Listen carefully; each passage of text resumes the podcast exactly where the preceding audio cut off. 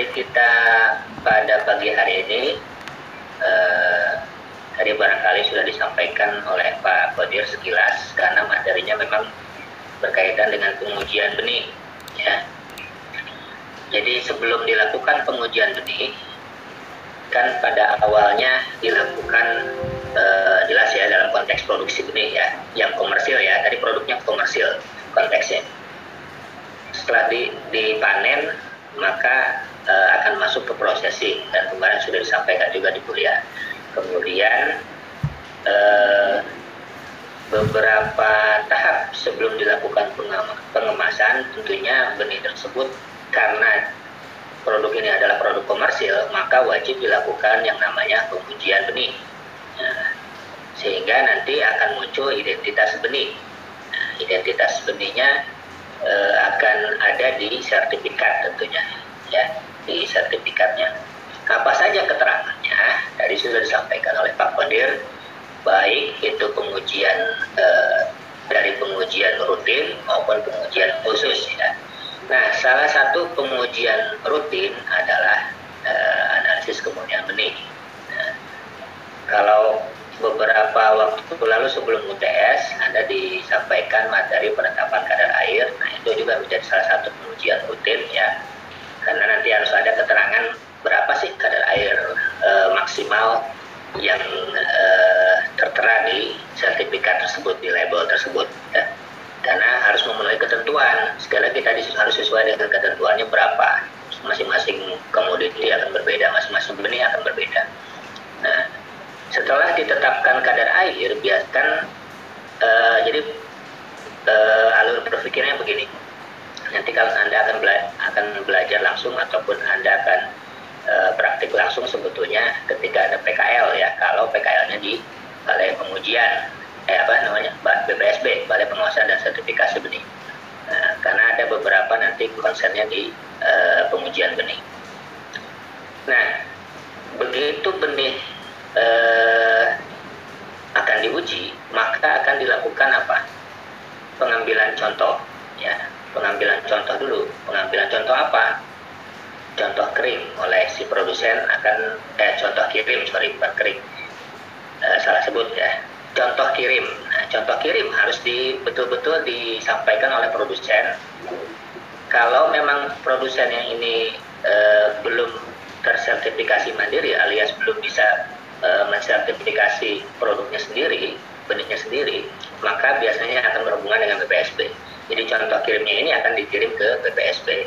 Nah, Anda sudah tahu bagaimana mengambil contoh kirim. Kemarin di pertemuan pertama sudah disampaikan uh, ada alat yang memang digunakan untuk mengambil contoh nah, dari contoh komposit, contoh primer, menjadi contoh kirim. Kemarin pakai apa alatnya? Ada yang tahu? Waktu di pertemuan pertama? Alatnya apa namanya untuk mengambil contoh benih? Stick, Stick dryer. Dryer. Dryer, ya, yang panjang itu ya. Uh, digunakan biasanya perusahaan benih akan menggunakan itu ya. sehingga dapatlah contoh kirim nah, contoh kirim ini jumlahnya akan berbeda jumlah itu dalam arti e, berapa bobotnya yang dikirimkan ke BPSB ya tergantung benihnya seperti padi misalnya 700 gram atau biasanya dikirimnya satu kilo. Kemudian jagung harus berapa kilo nanti atau berapa gram. Kalau benih-benih hortikultura yang kecil harus berapa gram. Nanti contoh kirimnya ada ketentuannya berdasarkan ISTA ya. Contoh kirimnya berapa? Nah begitu sampai di BPSB masuklah ke lab nah, untuk diuji nah, pengujian rutin. Nah, apa saja pengujian rutin? Ya tadi biasanya begitu masuk ke lab contoh kirim tadi akan e, ditetapkan dulu kadar airnya. Supaya apa? Biasanya di, di, di tahap awal adalah menetapkan kadar air. Kenapa? Supaya tidak e, apa ya namanya? Supaya benihnya ini masih mencerminkan kondisi awal. Ya, kadar airnya masih tidak tidak e, akan bertambah nanti. Karena memungkinkan kalau disimpan dulu kan bakal bertambah. Atau dilakukan tahapan yang berikutnya nanti ya e, kemungkinan akan bertambah kadar airnya nah ini kan tidak bagus akhirnya kan dilakukan penetapan kadar air.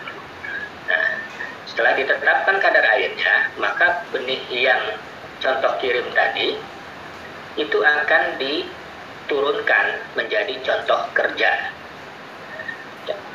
Nah, untuk menjadi contoh kerja, untuk mendapatkan contoh kerja, kemarin juga ada alatnya. Menggunakan alat apa itu? Dari contoh kirim eh, dibagi untuk mendapatkan contoh kerja. Pakai alat apa itu? Pakai alat apa? Siapa yang tahu? Alat pemisah tepat. Alat apa? Pemisah tepat. Pembagi tepat ya. Alat pembagi tepat. Uh, seed divider.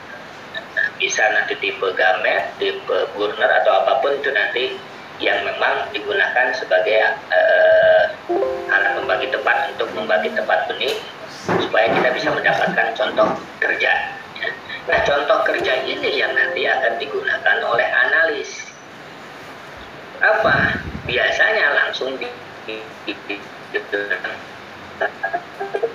bukan analisis kemurnian karena kalau genetiknya pasti harus menggunakan uh, apa namanya uh, eh, PCR dan sebagainya nanti karena kan DNA-nya yang kalau genetik bukan tapi ini fisiknya kita kita uh, analisis kemudian fisik benihnya uh, ya, dari contoh kerja tadi. Nah, bagaimana cara mendapat uh, hasil benihnya itu yang akan jadi kita uh, bahas kemudian.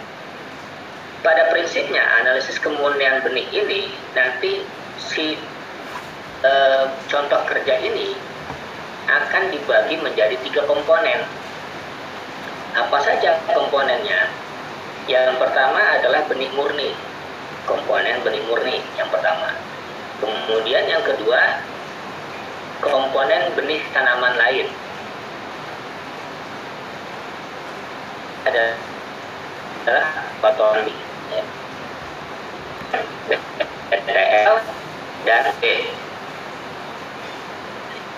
kan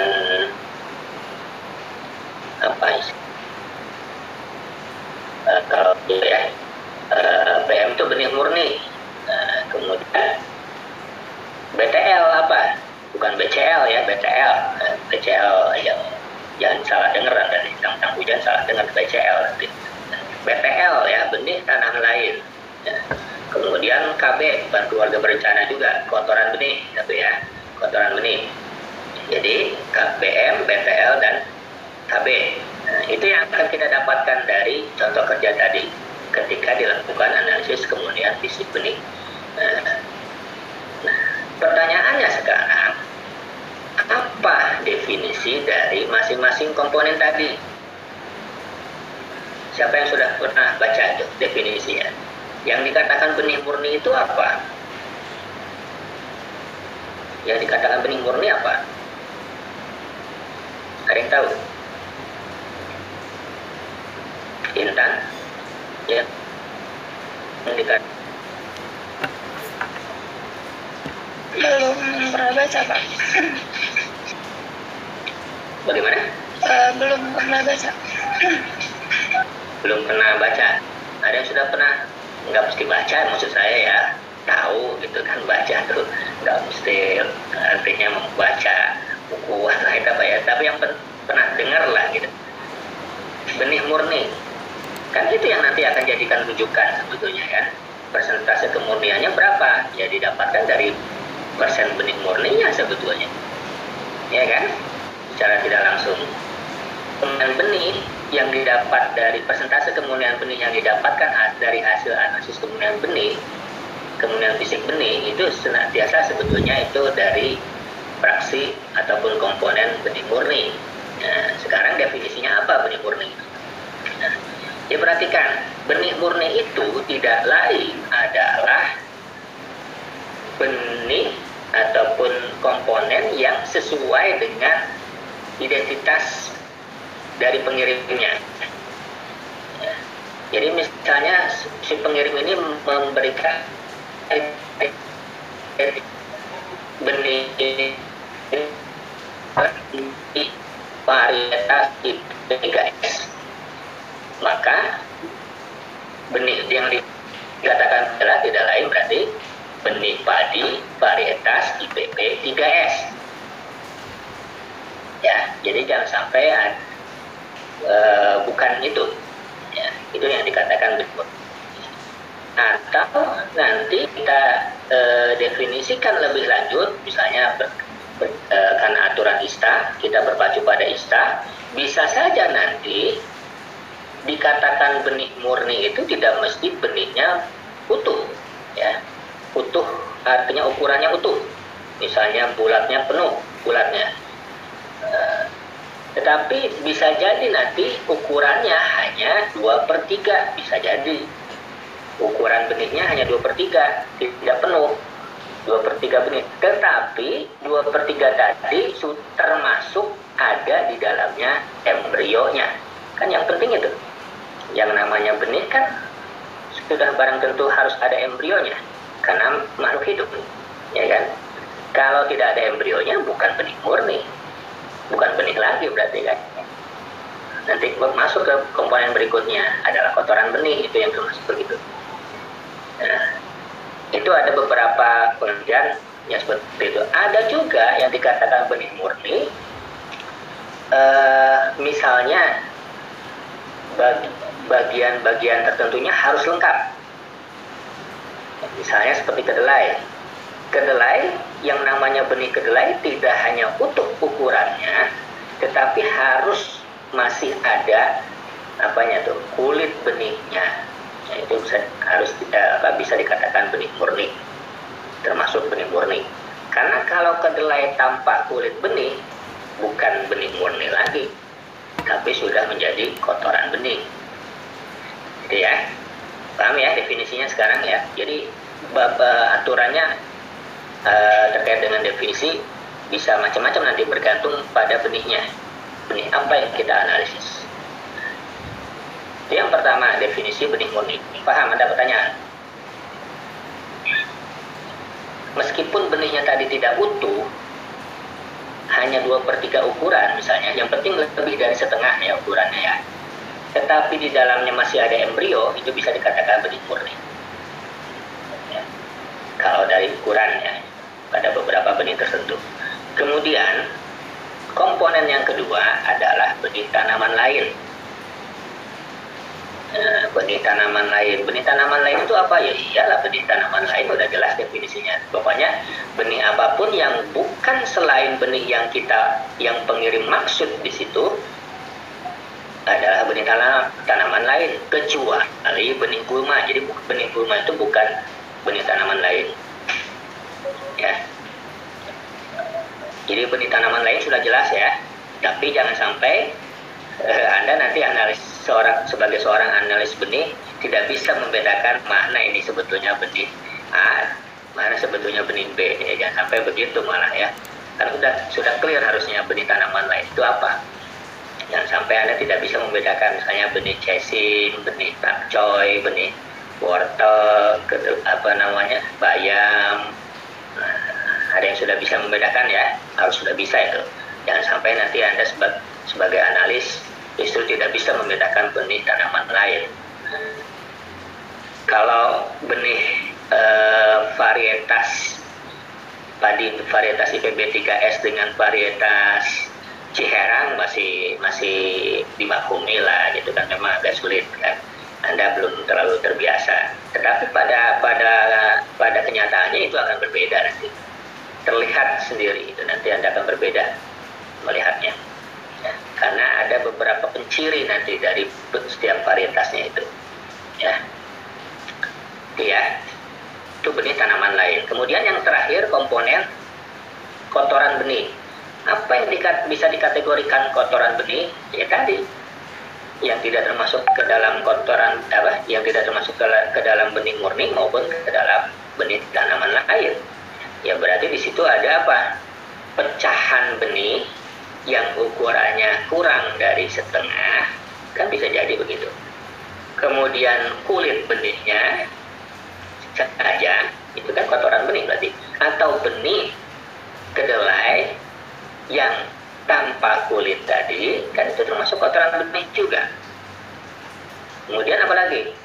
bisa jadi di situ begitu ada uh, pada saat analisis ternyata ada uh, apa namanya tuh ranting misalnya ya rantingnya itu berarti termasuk kotoran benih atau misalnya ada pasir ada batu kerikil apa pun sekecil apa pun atau misalnya serasa apa pun yaitu berarti kotoran benih.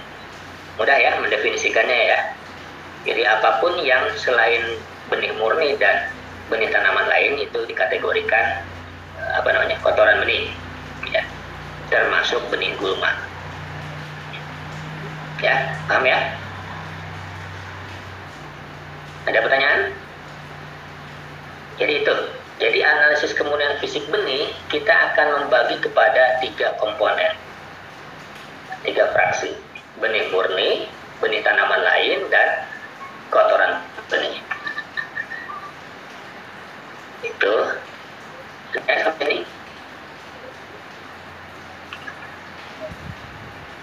Ada pertanyaan? Sampai sini paham?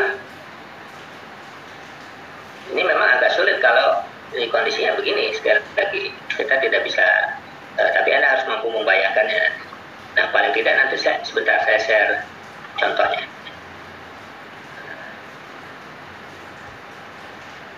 Sudah tampak slide saya? Sudah Pak. Oke, jadi eh, masing-masing apa namanya definisinya ini ya eh, bisa jadi nanti benih murni itu meskipun benihnya mengkerut sekalipun atau benihnya sudah berkecambah sekalipun tetapi eh, masih dikenali bahwa itu benih padi misalnya. Nah itu masih bisa dikategorikan benih murni. Ya atau yang terserang penyakit misalnya ada cendawannya tapi masih terlihat betul-betul masih bisa dikenali sebagai benih padi misalnya. Itu bisa dikategorikan benih murni. Ya benih tanaman lain tadi juga sudah saya sampaikan. Kotoran benih ya juga sudah saya, saya sampaikan. Nah kemudian bagaimana cara menghitung masing-masing komponennya? Nah, jelas ya ketika kita memisahkan tiga kepada tiga komponen tadi apa yang harus dilakukan setelahnya? Kan kita pisah-pisah tuh ya. Kita pisahkan tapi dipisahkan tuh bukan berarti si kotoran benihnya langsung dibuang si benih tanaman lainnya langsung dibuang benih murninya langsung kita amankan tidak begitu ya tapi dipisahkan dulu yang penting dipisahkan dulu dalam satu hamparan kan kemarin Anda begitu mengenal alat, ada alat yang digunakan untuk untuk menganalisis kemudian fisik benih. Apa namanya? Ada alat apa itu? Bisa kita gunakan. Tabel kemurnian. Meja kemurnian.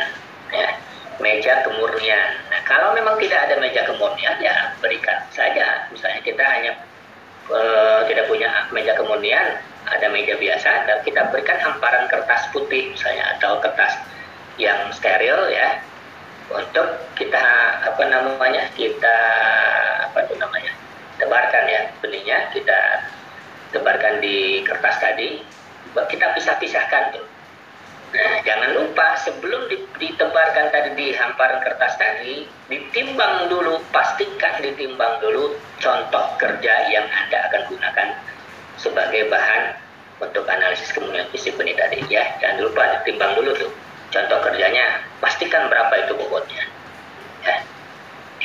kemudian setelah dipisah-pisahkan tadi tugas berikutnya adalah anda timbang anda timbang masing-masing komponen tadi ya Kenapa harus ditimbang? Ya bagaimana caranya supaya kita bisa dapat persentase kalau kita tidak menimbangnya kan? gitu ya. Kemudian setelah ditimbang bagaimana? Ya dipersentasekan berapa masing-masing komponennya. Ya, ya kan itu yang akan jadi kita yang akan kita dapatkan nilainya, terutama dari benih murninya kan, kemurniannya jadi berapa sebetulnya. Jadi sebagai contoh kegiatannya seperti ini kurang lebihnya. Anda pasti akan menggunakan pinset, tuh kertas, tuh kertas hamparan kertas kalau memang tidak punya meja kemurnian. Kemudian apalagi itu, kalau memang perlu counter pakai counter ya untuk menghitung misalnya apa perlu dihitung atau tidak biasanya menghitung untuk beberapa hal nanti nah yang penting apa? Dipisahkan kepada tiga komponen. Ya apa ya tadi BM BTL KB nah ini di bagian bawah misalnya yang kiri bawah ini benih murni. Yang dikategorikan benih murni ya begini. Yang dikatakan kotoran benih ya ada yang ada di kanan bawah ini. Ya kotoran benih itu ada serasa ada kulit atau yang disebut kulit gabahnya sekamnya kan kemudian ada pecahan apa pecahan benihnya yang ukurannya kurang dari eh, setengah. Kan kotoran benih termasuk termasuk kalau ada benih gulma biji gulma di sini kata kotoran benih. Ya. Nah dari bagaimana menghitung persentase kemur apa komponennya? Ya tinggal dihitung saja. Karena sudah uh, paham bagaimana menghitung persentase ya tinggal apa yang dicari dibagi dengan total semuanya dikali 100% kan begitu saja. Jadi kalau anda mau mencari benih murninya ya berarti bobot benih murninya yang anda gunakan sebagai pembilang kemudian uh, penyebutnya adalah total semuanya. Total semua apa? Bobot BM BTL plus KB tadi ya dikali 100% kalau yang anda cari ya BM tapi kalau anda carinya BTL ya berarti BTL yang sebagai, pembilang.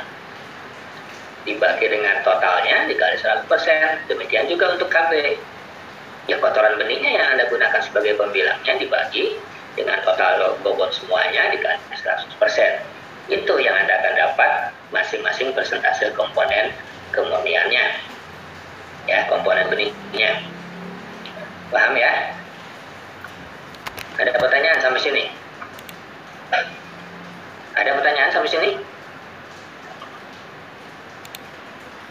Febrianti ada pertanyaan? Tidak ada, Pak. paham ya? Nah sekarang kita lihat misalnya ini contoh contoh uh, hasil analisis kemurnian fisik benih. Misalnya, ini biasanya Anda akan lakukan ketika PKL, makanya saya ambil contoh uh, data hasil PKL kakak kelas Anda yang baru lulus.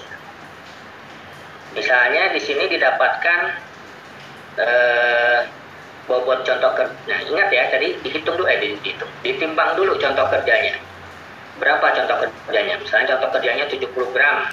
Karena untuk padi kan contoh kerjanya 70 gram, dari contoh kirimnya 700 gram Nah, sekarang begitu ditimbang, eh, setelah dipisahkan masing-masing komponen tadi, kemudian ditimbang, ternyata hasilnya begini. Bahwa misalnya yang pertama eh, dihitung, kita lihat 69,78 BM-nya gram ya. BTL-nya 0,0 gram. Mungkin saking saking apa namanya kecil sedikitnya ya jadi 0,0 kemudian kotoran benihnya 0,22 ya. berapa masing-masing komponennya tinggal dihitung saja kan tadi BM kalau kita cari BM-nya persentase BM-nya berarti BM bobot BM dibagi dengan bobot total dikali 100% coba anda hitung sekarang. Ya mana kalkulatornya atau mana kotatannya cepat hitung betul tidak apa yang ada di tabel? Siapa tahu salah. Coba Anda hitung, Anda belajar hitung. BM-nya betul tidak, BTL-nya betul tidak itu, KB-nya betul tidak? Persentasenya. Ayo, matematika bukan untuk di apa namanya di hafal. Jangan kebiasaan bengong ya kalau ada angka-angka begini Anda hitung. Sudah harus naluri ya itu ya. Anda sebagai analis nanti. Jadi harus harus langsung nalurinya begitu lihat angka pasti harus menghitung karena matematika itu bukan untuk dihafal kecuali kalau anda memang punya kelebihan diberikan kelebihan oleh uh, Tuhan anda bahwa tidak perlu menghitung pun anda sudah tahu jawabannya berapa. Nah itu baru begitu. Karena saya saya juga kalau mengajar mahasiswa berkebutuhan khusus mereka ada beberapa yang sudah uh, tahu duluan itu hitung-hitungan begitu. Tinggalnya saya saya baru baru apa mau menyebutkan rumusnya dia sudah tahu jawabannya. Itu diberi kelebihannya kan itu kalau anak yang berkebutuhan khusus itu ada mahasiswa saya yang berkebutuhan khusus begitu. Bahkan sampai apa namanya uh, tanggal 20 November tahun 2035 misalnya hari apa itu dia tahu. Hari apa nggak perlu lihat kalender. Itulah bedanya. Ya mereka punya kelebihan dibandingkan kita. Kecuali kalau memang begitu berarti anda tidak butuh kalkulator itu ya. Tapi karena karena saya tidak punya kelebihan itu ya berarti saya harus begitu oke kita ada yang dapat angkanya? Betul sama tidak?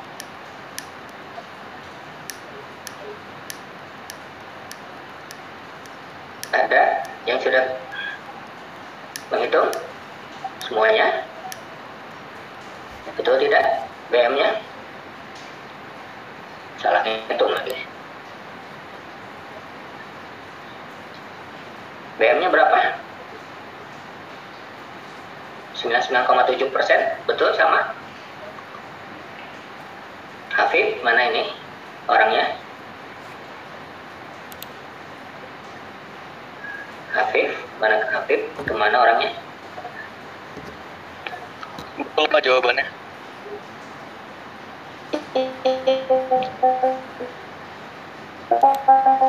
99,7 persen, betul. Terus itunya apa namanya? BTL dan KB. Betul. Betul, Pak. Betul. Oke. Bisa sekarang ya? Sekarang yang di bawahnya betul. Nah, betul, betul.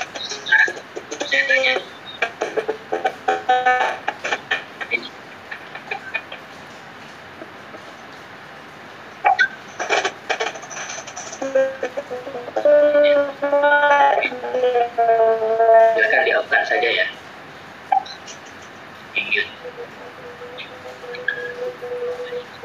Kebetulan betul ya. Nah sekarang kalau anda analisis sendiri misalnya kebetulan anda analisis sendiri pasti saya yakin ada beberapa kemungkinan yang akan terjadi. Ya angka-angkanya tidak seperti yang ada di ya kan? Yakin itu namanya manusia kan mungkin saja ada salah. Dia berbuat salah. Atau ada yang keliru. Atau ada sesuatu yang hilang. Ya, tapi bukan hilangin. Jangan bahasa-bahasa lebay anda ya hilang. Sesuatu yang hilang urusannya lain anda. Uh, jadi bisa saja nanti kan begitu anda timbang bisa jadi uh, kurang ya total bobotnya dibandingkan dengan contoh kerja atau bisa jadi lebih. Ya kan? Nanti begitu anda uh, lakukan analisis sendiri. Nah pertanyaannya bagaimana supaya bisa hasil analisis kemunian fisik benih yang anda lakukan ini bisa diterima? Kan pertanyaan itu karena sebagai analis ini harus betul-betul bisa dipertanggungjawabkan hasilnya jangan sampai seorang analis melakukan sesuatu yang tidak sesuai aturan dan tidak bisa dipertanggungjawabkan hasilnya itu yang berabaikan nanti jadi bagaimana supaya hasil analisis kemunian fisik benih yang kita lakukan ini bisa diterima? Bayangkan kalau Anda misalnya punya datanya seperti ini misalnya. Uh, nah, eh kelihatan nggak ini? Kelihatan nggak? kelihatan pak Kelihatan, Pak. Oke, kelihatan. Coba hitung dulu tuh. Yang pertama aja tuh. Yang baris pertama coba hitung. BM-nya berapa tuh? Persentase BM-nya berapa, BDL-nya berapa, KB-nya berapa? Yang sudah dapat? Ya, yang sudah dapat langsung sebutkan. Ayo, belajar cepat. Kan nanti kuis ketok juga begini saya suruh ngitung PM-nya berapa itu dalam waktu 45 detik maksimum itu Anda harus jawab. Nggak pakai kalkulator ya, ingat ya, quiz ketok nanti nggak pakai kalkulator. Sekarang masih boleh pakai kalkulator.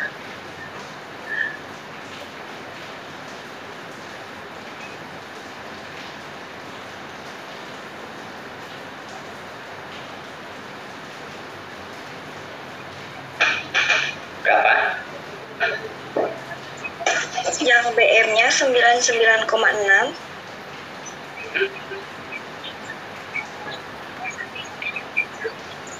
yang BTL-nya 0,5, sama yang KB-nya 4,45. Oke, kita, kita buktikan ya. Sambil saya hitung nih di sini di Excel. Tadi caranya gimana? Masih ingat? Apa caranya? BM, ya kan? M Betul? Ber Dibagi bagi bagi dengan 20, eh, hah? Dibagi dengan 20. 20 dari mana? Ayo. Dibagi dengan ini ditambah BTL ini tambah KB kali 100 Pak. nanti nanti sekarang? Nah, ya kan? Betul? Dikali? 100 apa 100. ya dikali 100 kan betul enggak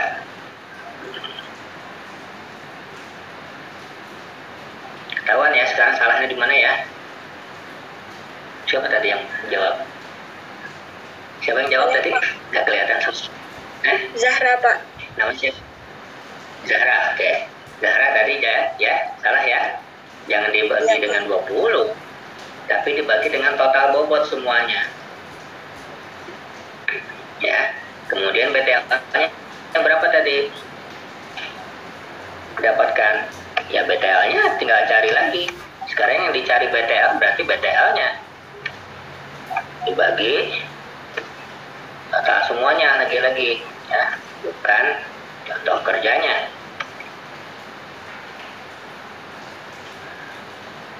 Eh sorry dibagi dikali. Terus L-nya 0,5 persen. Sekarang berapa KB-nya? Sama ya. Ini bukan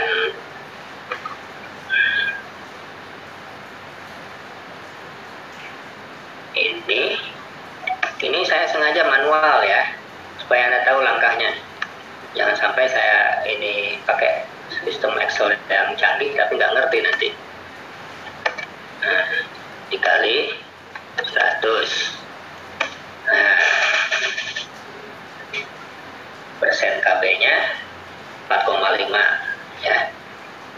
Berarti kemurniannya berapa? 95 persen. Anda perhatikan. Begitu Anda timbang ingat ya masing-masing komponen eh, benihnya itu ditimbang pakai neraca analitik digital. 2 ya alias 2 desimal di belakang koma minimal. Bahkan harusnya yang tiga angka di belakang koma. Jadi minimal dua angka di belakang koma ya. Sehingga dapatkan hasilnya dua desimal tuh dua angka di belakang koma. Persentase boleh satu angka di belakang koma ya. sehingga anda dapatkan seperti ini 95,0 persen. BTL 0,5 KB 4,5 sudah 100% belum? Totalnya. sudah pak sudah pak Udah, Pak. sudah Kebetulan saja ini. Coba nanti suatu saat saya yakin ada kasus mungkin saja Anda mendapatkannya 100,1 persen. Ada satu kasus lagi 99,9 persen. Bisa saja itu terjadi. Nah, sekarang bagaimana itu bisa diterima atau tidaknya? Atau bagaimana mengantisipasi itu? Nah, sekarang untuk menuliskan keterangan di sini, keterangannya maksud saya di sini diterima atau tidak nih analisis hasil analisis ke, analisis kemudian fisik benihnya. Menurut Anda diterima tidak? Yang garis pertama aja dulu. Diterima tidak menurut Anda? Diterima, Pak. Kenapa? Diterima. Kenapa diterima? Kenapa Karena diterima? persentasenya 100%. Yang lain? Selain yang Zahra sampaikan, ada eh, apa namanya? Ada alasan lain? Kenapa harus bisa diterima? Ada yang lain memberikan pendapatnya? Kenapa harus kita terima ini? Kalau kita terima ya jawabannya. Kalau ternyata ditolak, kenapa juga alasannya? Kan harus bisa memberikan argumen dari seorang analis itu. Tetapi yang penting sesuai aturan. Bisa dipertanggungjawabkan nanti. Diterima atau tidak nih? Ayo, yang lain? Ayo, Anda belajar menge- mengemukakan pendapat. Menurut Anda diterima tidak nih? Hasilnya analisis yang kita lakukan. Menurut Zahra diterima. Alasannya apa? Sudah 100% pas.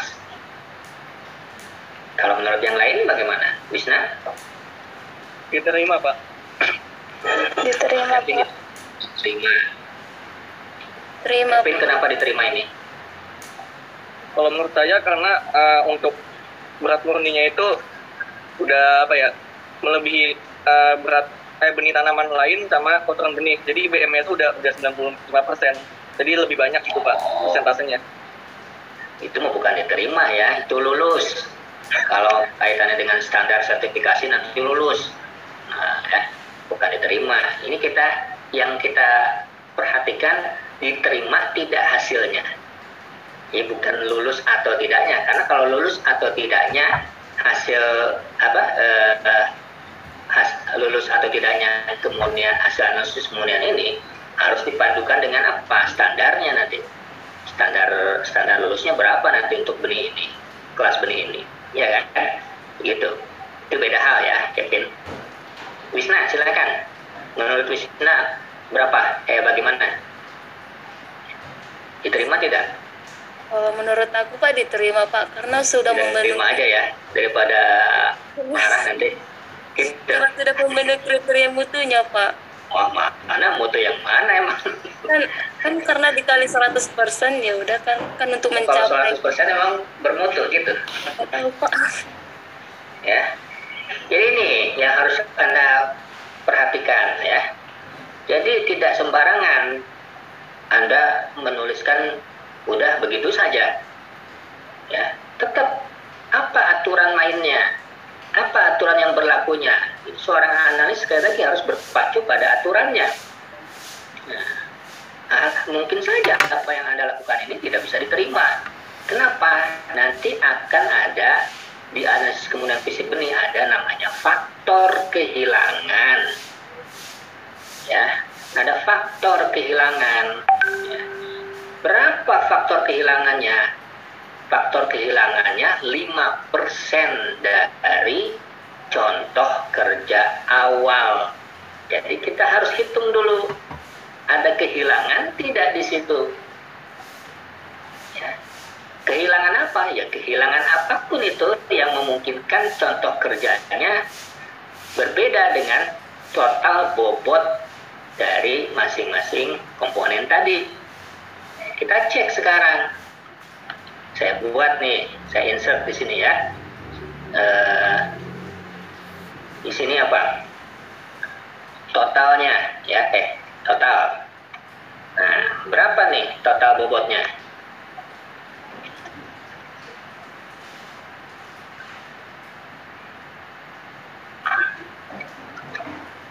Tuh. Percaya sekarang? Berarti ada kehilangan tuh. Total benihnya 19,91 gram. Contoh kerjanya berapa? 20 gram. Ke mana itu yang 0,09 gram? Anda makan kali ya? ini yang kadang lupa Anda. Jadi sebagai analis itu tidak kadang tidak hati-hati. Anda bisa bayangkan Anda meng, uh, menganalisis kemunian fisik benih bayam. Tahu benih bayam seperti apa? Atau benih wortel. Tahu benih wortel seperti apa? Ringan. Ya kan? Kecil, ringan. Jangankan wortel, benih bayam, jangankan bayam ya, wortel aja. Ringan itu, apalagi benih bayam. Anda bernafas saja ya Anda hembuskan nafas Anda tuh nggak sengaja. Ya menghembuskan nafas tuh tahu ya. Memang Anda kan tidak seperti ikan seperti ikan kan nafas tuh enggak enggak nggak mungkin begitu juga kan. Tapi paling tidak dari hembusan nafas Anda saja itu sudah terbang mungkin saja. Benih bayam sudah terbang beberapa ya kan? Ya ada kemungkinan seperti itu kan. Atau Anda apalagi kalau Anda bekerja di bawah AC atau kipas angin. Ya iyalah terbang semua itu. Ya jadi matikan tuh AC mat, jangan uh, apa namanya jangan di dekat AC atau dekat kipas angin ya begitu anda punya fisik itu hal-hal teknis yang perlu diperhatikan. Kemudian biasakan bukan tidak bernafas ya maksudnya berna, bernafas ya bernafas normal tapi ya jangan sampai hembusannya itu betul-betul menghilangkan benihnya ya. Ya. Ini memungkinkan terjadi seperti ini. Ternyata ada yang hilang. Jadi bukan jiwanya yang hilang, ya, bukan si dia yang hilang, tapi ini benihnya sebagian sebagian hilang. Atau bisa juga nanti bukan hilang, tetapi nambah. Wah kalau nambah ini uh, urusannya beda lagi nih. Ini jangan-jangan ada yang uh, apa namanya ada timbang nih jangan-jangan celengan ada yang ada timbang di sini. Kok bisa nambah? Si contoh kerjanya berapa total benihnya berapa ya. Ini jadi karena itu ada faktor kehilangan. Kenapa? Karena memungkinkan kejadiannya seperti ini. Ya. Anda tidak percaya lagi. Coba hitung lagi yang bawahnya. Sebelum kita masuk ke faktor kehilangan tadi. Hitung yang bawahnya lagi tuh yang garis bawah. Yang garis baris keduanya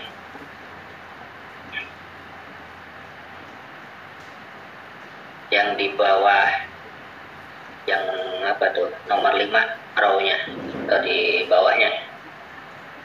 18,98 BM-nya 0,12 BTL-nya KB-nya 0,96 19,99 Pak.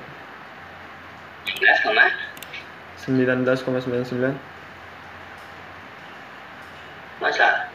Eh, ini beda beda. 20,06 pak. 20,03. 20, hitung-hitungnya gimana saya nggak ngerti. Itu kalkulatornya yang salah atau anda yang salah? Itu bisa beda-beda ada empat versi gitu. Eh? atau Excel saya yang salah ini gimana ceritanya? Kan 8 tambah 2 itu udah 10 10 tambah 6 udah 6 itu di belakang. Nggak mungkin lah beda ya kan? Ayo itu logika matematika kan di situ jalan ya. Jadi 20,06 kan lebih berarti nih ya. Ini kemungkinan ada sesuatu yang anda timbang ya, siapa tahu benihnya ditumpakin tuh istilahnya. Kan ditumbakin 0,06 tuh ya jadi lebih ternyata. Kalau yang tadi kurang sekarang lebih. Bisa diterima nggak nih? Kita lihat. Kita lihat apa tadi faktor kehilangannya. Karena itu kita nah, harus tes dulu faktor kehilangannya. Kalau ini kan tadi jumlahnya coba anda perhatikan. Ini persentase total ya. Totalnya berapa ini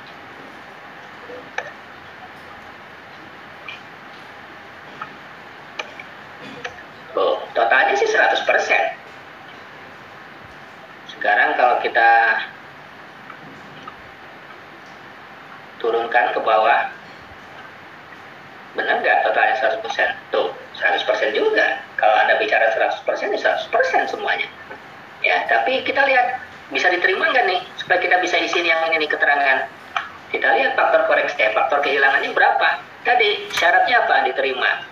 Faktor kehilangan tidak boleh lebih dari 5%. 5% dari mana? Dari contoh kerja awal.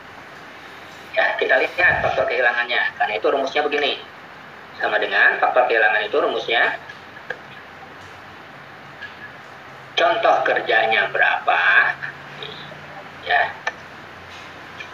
jadi faktor kehilangan rumusnya dikurangi. Bobot. Semuanya ya. Saya sengaja eh, manual ya. Bukan pakai yang total tadi takut salah. Tambah eh, KB ya. Nah, kemudian ini sebentar saya kasih kurung dulu dibagi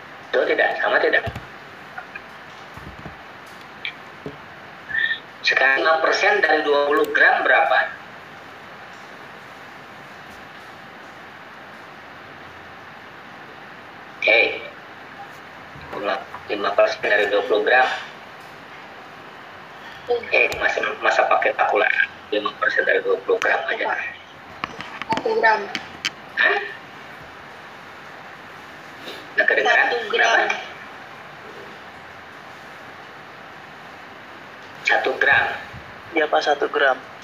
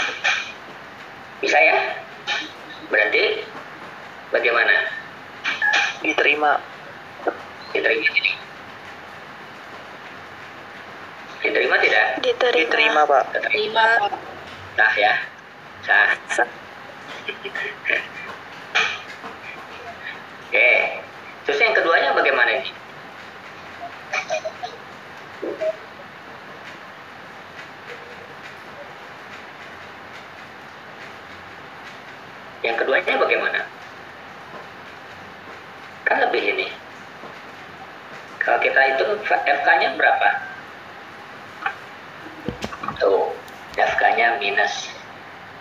Ya. Bagaimana kalau minus? Diterima tidak?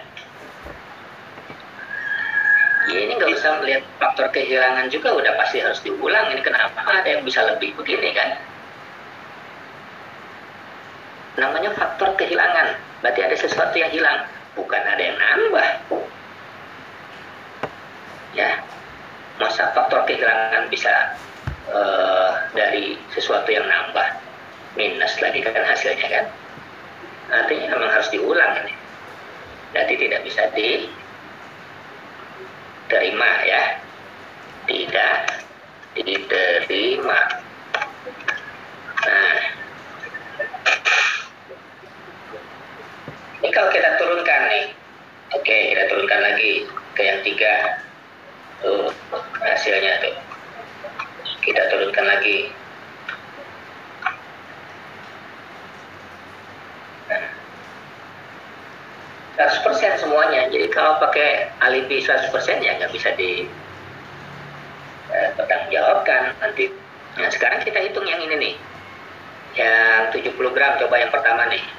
Ini yang baris 9 nih. Itu coba.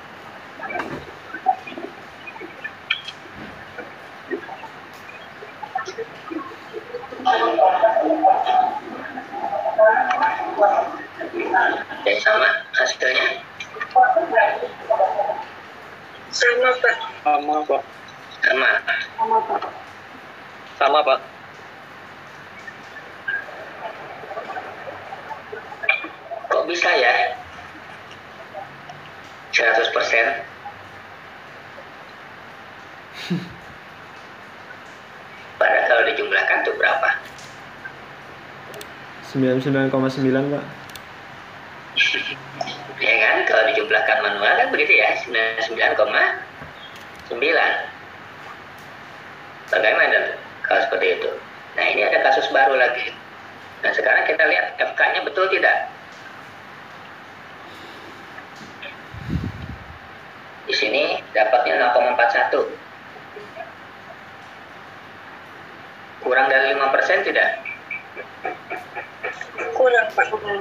kurang. Gitu kurang. Kok bisa tahu kurang? Emang lima persen dari berapa ini? Dari 70 berapa? Kalau lima persen dari 70 3,5 pak. 3,5 3,5 berarti bisa diterima. Tetapi masalahnya kan dari persentase eh, totalnya berapa tadi? 99,9 persen kan? Bukan 100 persen seperti di Excel begini. Kalau manual kan anda dapatnya tadi satu angka di belakang koma kan? 99,6 tambah 0,0 tambah 0,3 99,9 persen. Terus bagaimana? Yang 0,1 nya bagaimana? Ya angkanya harus persen. Nanti totalnya 99,9 persen harus persen bagaimana kira-kira? Kalau menemukan kasus begitu. Kira-kira bagaimana? Pandangan anda bagaimana? Ya udah terima aja gitu. Terima aja atau bagaimana? Ayo siapa yang bisa memberikan pendapatnya?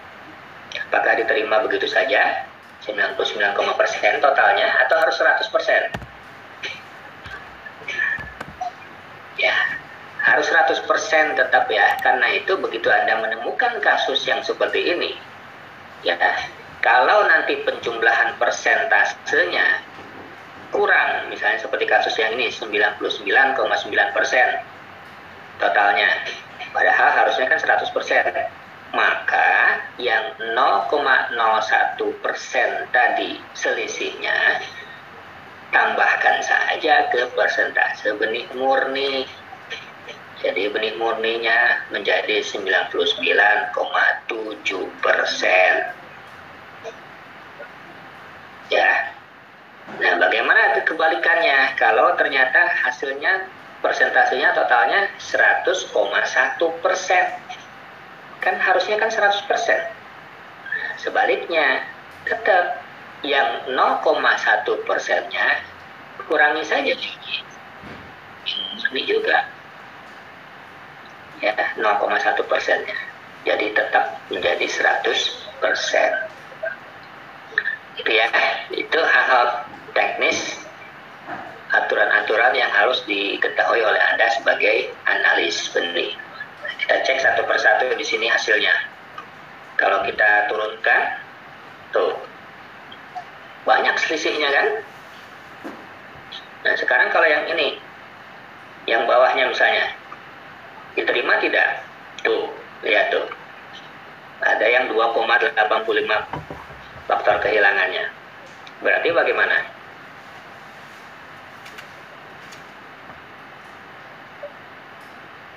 Bagaimana Nggak diterima Pak. Tidak diterima Pak, jelas Pak. Iya. Karena benar-benar kurang dari lebih dari 5 persen. Lebih dari satu persen.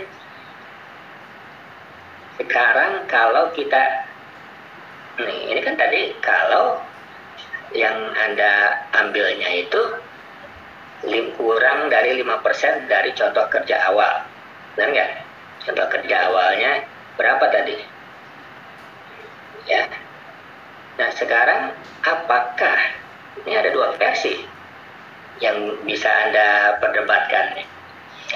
Apakah yang dimaksud faktor kehilangan itu 5 kurang dari 5% dari contoh kerja awalnya? Alias misalnya kalau yang tadi contoh kerjanya 20 kurang dari eh, 5% dari 20 berapa? Tadi satu kan? Berarti harus kurang dari satu. Apakah itu yang Anda pegang? Atau yang kedua, Anda perhatikan angkanya. Apakah faktor kehilangan di situ berarti kurang dari 5% itu artinya kurang dari 5 angkanya. Paham tidak? Kan 5%, berarti 5 angkanya kan sebetulnya. Nah sekarang faktor kehilangan rumusnya apa ini? Persentase kan sebetulnya itu. Ini nilai persentasenya kan 0,45, 0,45 apa? Persen. 0,10 persen. Terus termasuk yang 2,85 persen. Ya kan persen itu. Dan semua kurang dari 5. Kurang dari 5 persen semuanya kan. Benar, paham maksud saya? Ya kan? Kecuali yang minus tadi ya. Yang minus sudah pasti ini yang harus di Ya, sekarang mana yang Anda ambil? yang versi pertama atau versi kedua? 5% dari contoh kurang dari 5% dari contoh kerja awal atau kurang dari 5% angkanya 5 maksudnya dari kurang dari 5 persentasenya.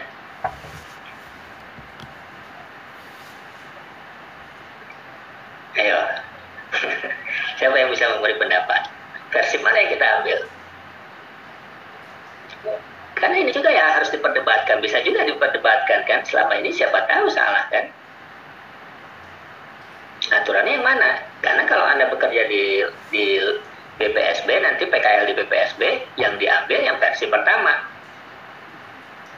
Kurang dari 5% kurang dari 5% contoh kerja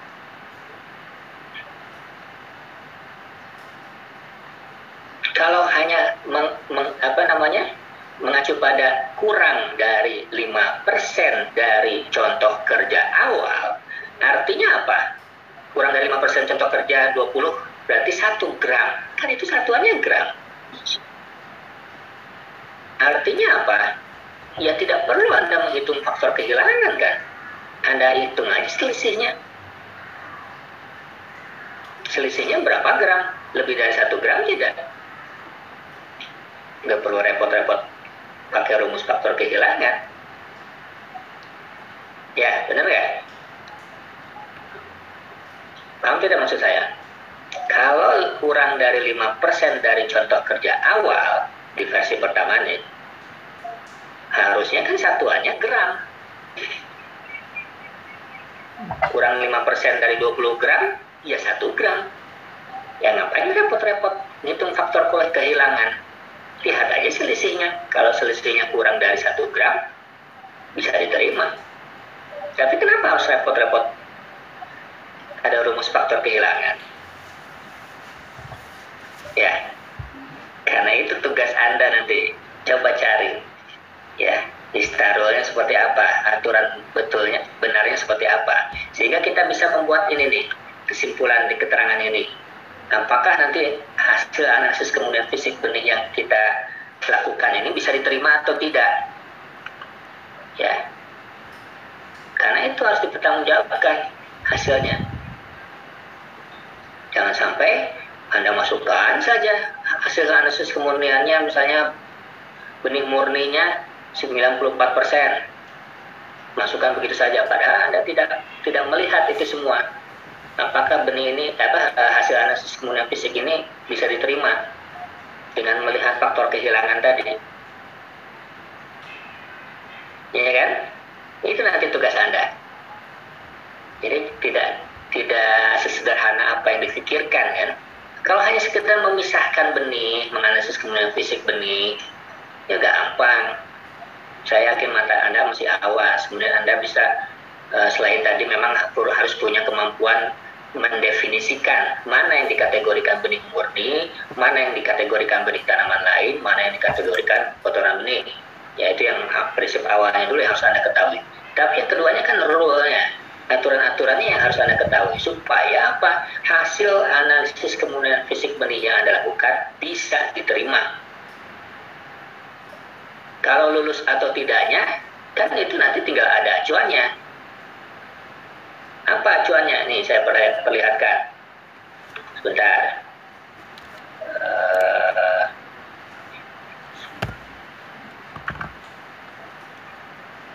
mana ya?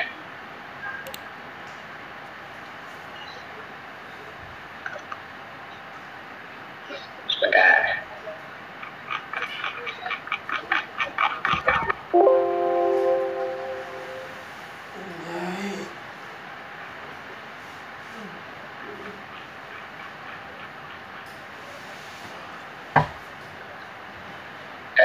share screen-nya.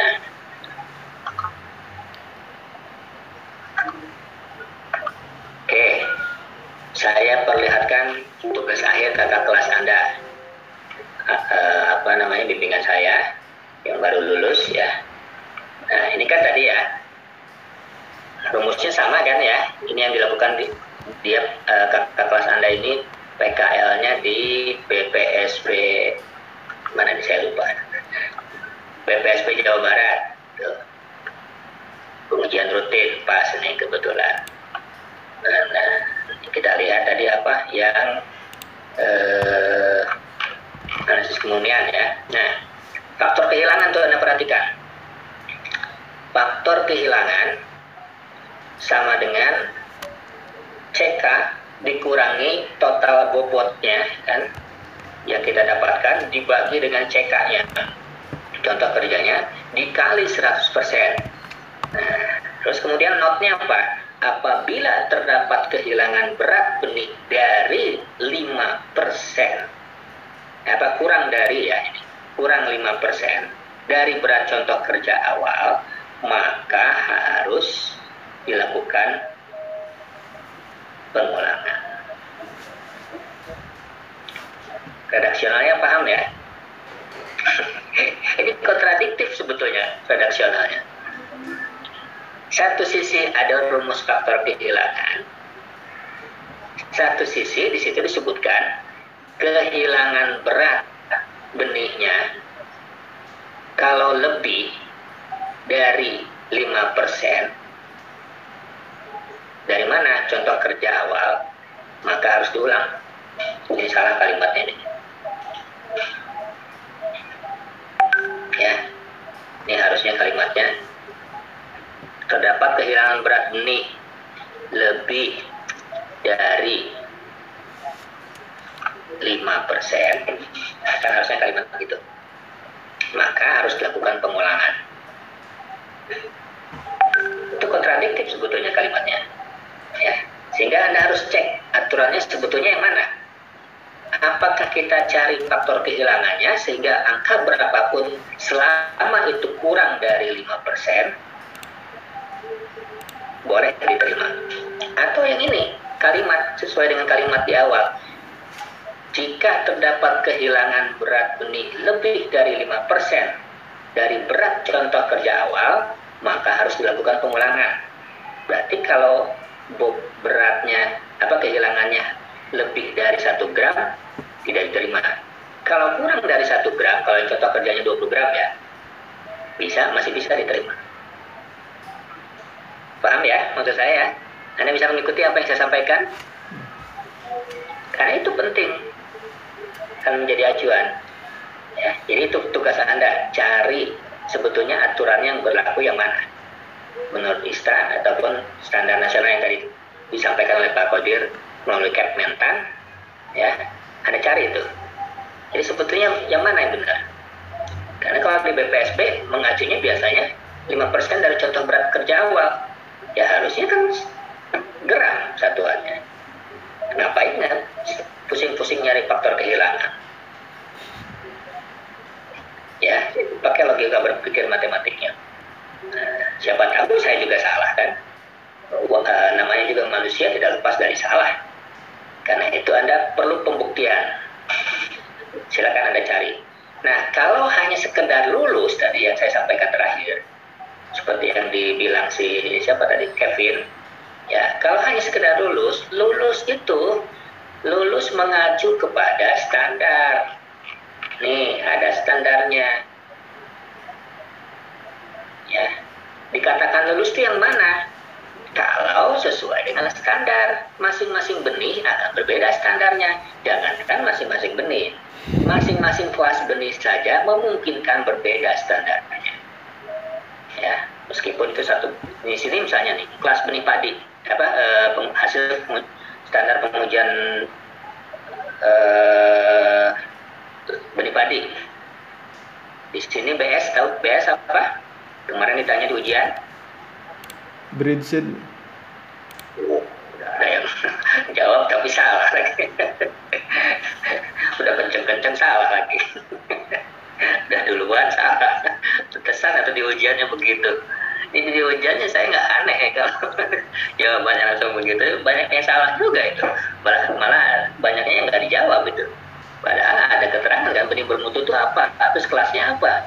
Ada pertanyaannya itu ya. Tapi banyaknya nggak dijawab itu. Breeder seed ya. Atau ini benih penjenis. BD itu benih dasar BP benih pokok BR itu benih sebar ya. nah sekarang kita lihat kaitannya dengan analisis kemudian fisik benih. Nah berapa nih kemuniannya bayangkan minimal tuh di kelas benih sebar saja nih kita lihat yang paling kanan BR di kelas benih sebar saja minimal benih murninya itu 98 persen. Kalau mau lulus tahu minimal ya paling sedikit minimal itu paling sedikit didapatkannya harus 98 persen. Artinya kalau kita pada hasil yang ini mana yang lulus?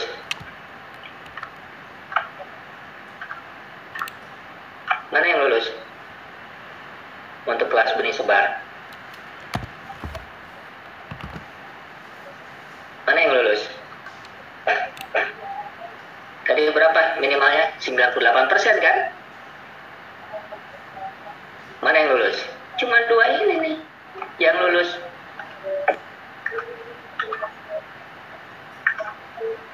Ya. Yang ini nggak lulus. Kenapa? Kurang dari 98 persen. Jadi kalau di, di sini keterangannya ini maksudnya adalah lulus ya ini lulus. Ini juga lulus. Ini tidak lulus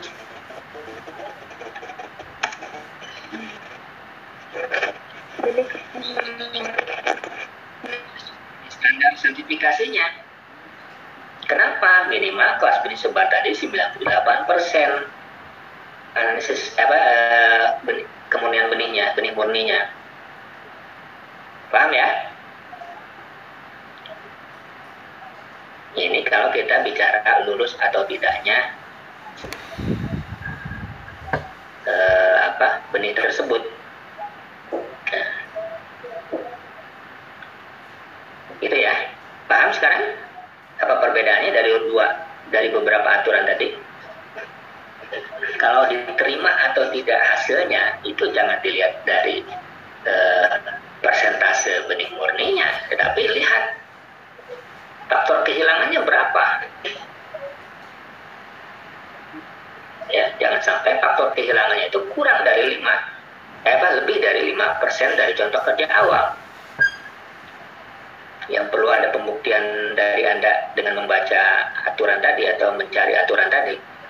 Ya, kalau hanya sekedar lulus atau tidaknya benih itu e, dari sertifikasi benih, kita lihat dari angka persentase benih murninya berapa didapatkannya karena ada syarat minimalnya. Seperti benih sebar tadi untuk padi minimal 98% kelas benih sebar itu kelas benih sebar yang paling bawah paling uh, rendah kelasnya. Apalagi yang tadi kelas benih penjenis berapa tadi? Tuh 99, eh 99 persen, ya kan? Itu ya, paham ya?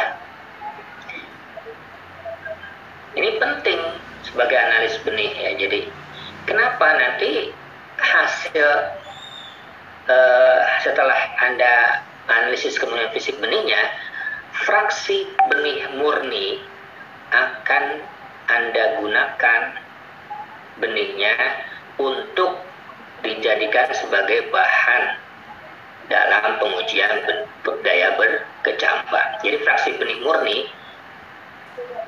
yang Anda dapatkan ini nanti akan digunakan untuk pengujian daya berkecambah. Benihnya ya. Kenapa? Ya benih murni. Nggak mungkin kan pengujian daya berkecambah anda menggunakan kotoran benih atau benih tanaman lain? Ya pasti diambilnya dari fraksi benih murni. Gitu ya. Alurnya nanti ber kemudian dia berkecambah, benihnya diambil dari mana?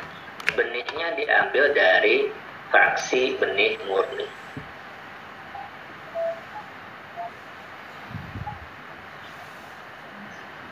Itulah kenapa analisis kemudian fisik benih dilakukan di awal setelah penetapan kadar air.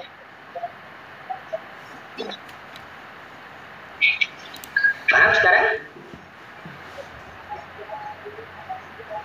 Ada pertanyaan? Makin bingung? Alhamdulillah kalau makin bingung berarti Anda akan punya kesempatan belajar. Iya dong. Ngapain hanya mendengarkan saya? Anda baca juga dong. Jadi namanya juga manusia, saya bisa salah. Ya kan? Anda bisa salah, jangankan kita. Rasul saja kan ada kemungkinan salah atau lupa, ya namanya manusia.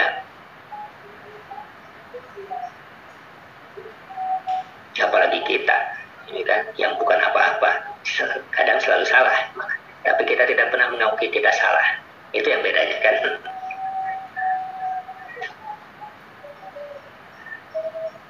Ada pertanyaan dari sini? Ya, kok malah pada bengong nih?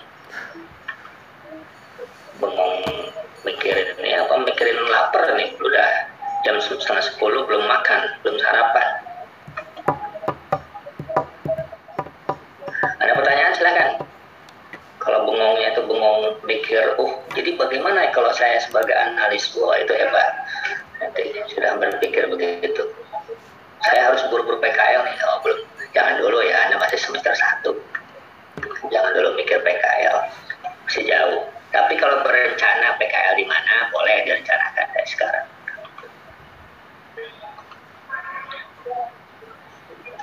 Sebelum PKL, berpikir dulu untuk field trip boleh yang filter juga akan melihat nanti uh, kalau uh, di perusahaan bagaimana ya kan? Di balai bagaimana kan anda punya gambaran nanti. Jadi begitu PKL tuh sudah sebelum PKL tuh ada anda punya gambaran saya mau PKL di mana nih?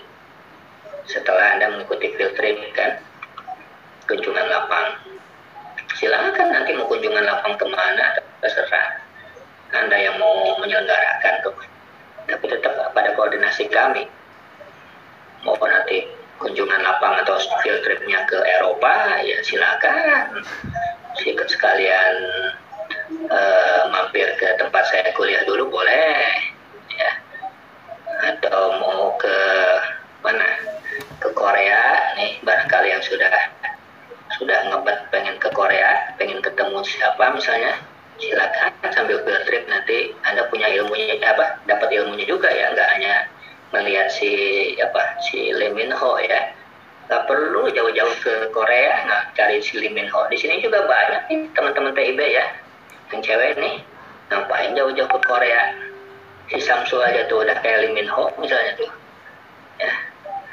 Nggak usah jauh-jauh ngapain cari yang jauh-jauh ya ya udah ya pengen ke mana kamu? Tripnya. Ke Thailand. Thailand boleh. Biar cari apa bisa bisa pembuktian tuh. Yang laki-laki benar nggak? Itu laki-laki. Apa benar nggak perempuan? Nah, siapa tahu butuh pembuktian begitu. Ini istilah ini di luar konteks ya. Itu silakan terserah itu ya. Yang penting anda kunjungan lapangan itu betul-betul didapatkan ilmunya, bukan hanya melihat yang begitunya. Nah, kalau yang begitu mah ngapain jauh-jauh dah di Jawa Barat aja cukup. Ya, Jawa Barat sudah banyak itu lokasi yang sesuai dengan keilmuan kita. Anda mau main ke mana? Jawa Barat aja banyak itu di nggak usah jauh-jauh Jawa Baratnya ke perbatasan juga dekat-dekat Bogor juga banyak Purwakarta ada banyak Subang ada banyak, ya kan, produsen benih. Ada balainya juga. Bandung banyak balai. Nah, BPSB Jawa Barat kan di Bandung. Nggak usah jauh-jauh dari Bogor, di Depok. Ada BPSB, BBPPM, BTPH. Ya, justru itu eh, induknya BPSP kan BPPM BTPH ada di Cimanggis, ada di Depok. Ngapain jauh-jauh? Ya, kalau kalau anda mau cari ilmunya kan begitu. Kecuali kalau anda carinya yang tadi mempang mempeng jadinya. Kalau filter kan biasanya mempang mempeng, tapi itu harusnya sekian persen saja dari sebagian besar persen keilmuannya. Kan biasanya ke Jogja kenapa ke Jogja? Biar sekalian jajan di Malioboro. Ya kan begitu doang. Ngapain sih nggak ada yang aneh di Malioboro? Cuman banyak kursi dan apa namanya jajanan doang ngabisin uang doang kan? Ya yang penting ilmunya yang harusnya anda dapatkan kalau field trip tuh tujuannya itu yang penting jangan kebalik. Ini mah yang dipilih oh kota ini oh kita ke mana? Kita ke Amsterdam. Oh, buat apa? Kalau nggak ada ya buat apa di sana? Ke sana kan? Ngapain jauh-jauh tapi nggak dapat ilmunya. Ya silakan nih siapa namanya? Kevin koordinasi nanti kalau mau berencana field trip. Kalau yang angkatan sekarang nggak bisa field trip kenapa? Pandemik alhamdulillah tapi jadi jadi apa namanya? Field tripnya di rumah. Googling. Anda silakan nanti boleh berencana. Kan uh, kita berdoa saja pandemi ini sudah beres di beberapa bulan ke depan ya kan? Atau syukur-syukur bisa selesai di tahun ini. Begitu kita menyongsong tahun depan sudah selesai pandemi. Maksudnya sudah bisa teratasi ya. Ya kita sama-sama berdoa kan? Ada pertanyaan? Tidak ada? Lutfil Lutfil Hakim ada pertanyaan? Tidak, Pak.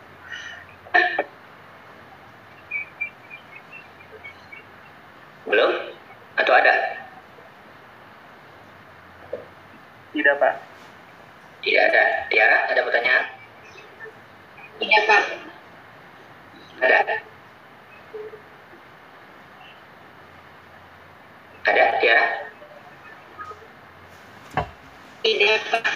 ada Tiara di mana rumahnya? Di Depok. awas kamu nggak tahu BBM BBPM BTP ini sekitar duluan kamu nggak tahu lagi? Tahunya yang di Jakarta. Hah? jauh amat Jakarta. Depok sendiri ada. Nggak nggak tahu nih bahaya nih. Daerah sendiri nanti gimana kalau PKL dalam kondisi pandemik begini?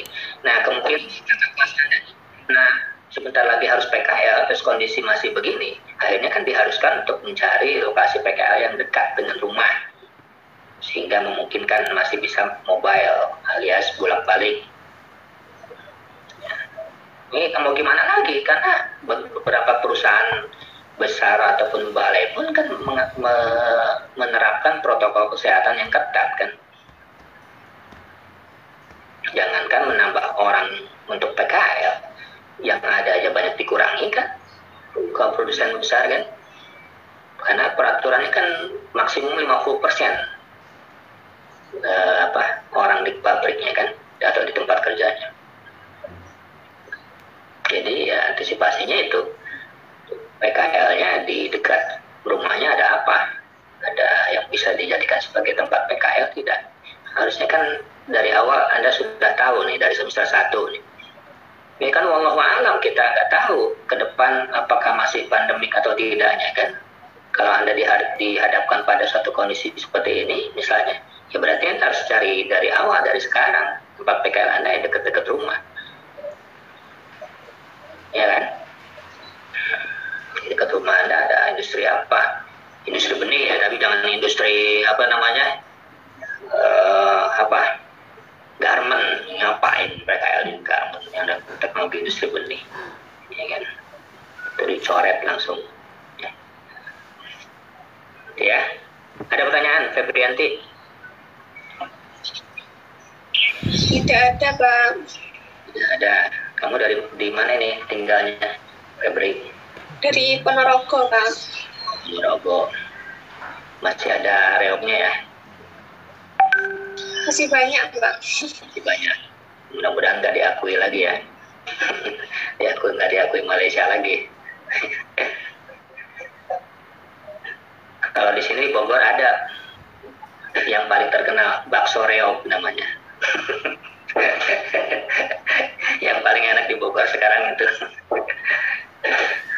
Nggak ada hubungan sama Ponorogo ya tapi emang benar.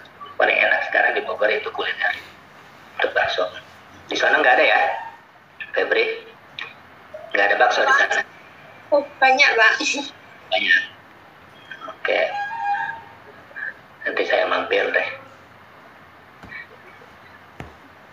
Ini ada pertanyaan Dias? Tidak, Pak. tidak jelas. Jelas tidak? Apa tidak jelas Jelas. iya apanya yang jelas? Pusing. pusing minum obat lah ngapain bilang ke saya? Iya pusing minum obat ngapain bilang-bilang ke saya? Saya bukan dokter. Pusing minum obat ya kalau pusing pelajaran ya cari tahu. Ya kalau pusing beneran ya minum obat. Bagus nanti kalau pusing eh, apa namanya karena pelajaran bingung ya semakin harus nambah belajar lagi berarti kan? Nggak seperti hasil kemarin kan UTS sudah berlalu ya. Jadi bagaimana anda bisa mengejar di UAS kan? Kuncinya kan itu. UTS sudah ada nih.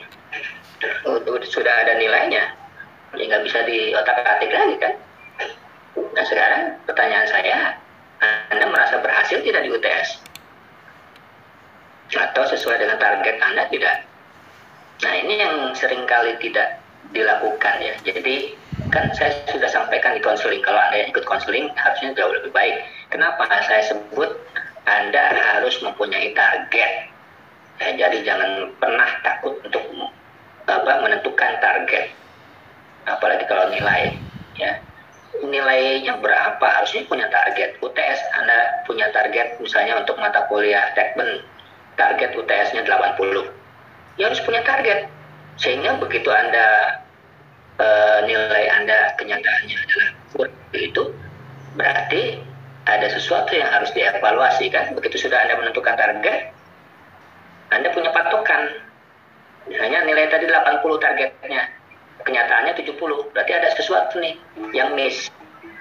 Ada sesuatu yang hilang kontrol anda sehingga ada selisih 10 kurangnya bisa Anda evaluasi. Dari mana? Bisa jadi dari cara belajar Anda atau Anda salah menghafal, salah memahami, ya kan? Anda bisa evaluasi. Bandingkan kalau tidak ada target sebelumnya, ya, Anda mau mengacu ke mana? Mau meningkatkan, tahu dari mana meningkatkan? Kalau nggak nggak ada target sebelumnya, ya kan? Mau dari mana coba patokannya? Kalau tidak ada target. Anda bisa katakan itu turun atau naik dari dari target kan karena Anda menentukan target. Tapi Anda tidak bisa men- mengatakan itu turun atau naik nilainya. Nilai yang Anda dapatkan. Kalau Anda tidak punya tadi, tadi patokannya berapa. Jadi tidak mungkin Anda bisa apa, e, bisa mengevaluasi cara belajar Anda dan segala macamnya. Jadi tentukan target. Artinya kalau dari sisi kesulitan materi, materi UAS itu jauh lebih sulit dibandingkan materi UTS. Ya, materi UTS itu baru kulit-kulitnya yang Anda dapatkan alias masih mudah untuk bisa dicerna. Bayangkan begitu materi UAS, nah contohnya seperti ini nanti materinya, oh, apalagi yang ngajarnya langsung pakarnya langsung. Pak Kodir misalnya pengantar tekben,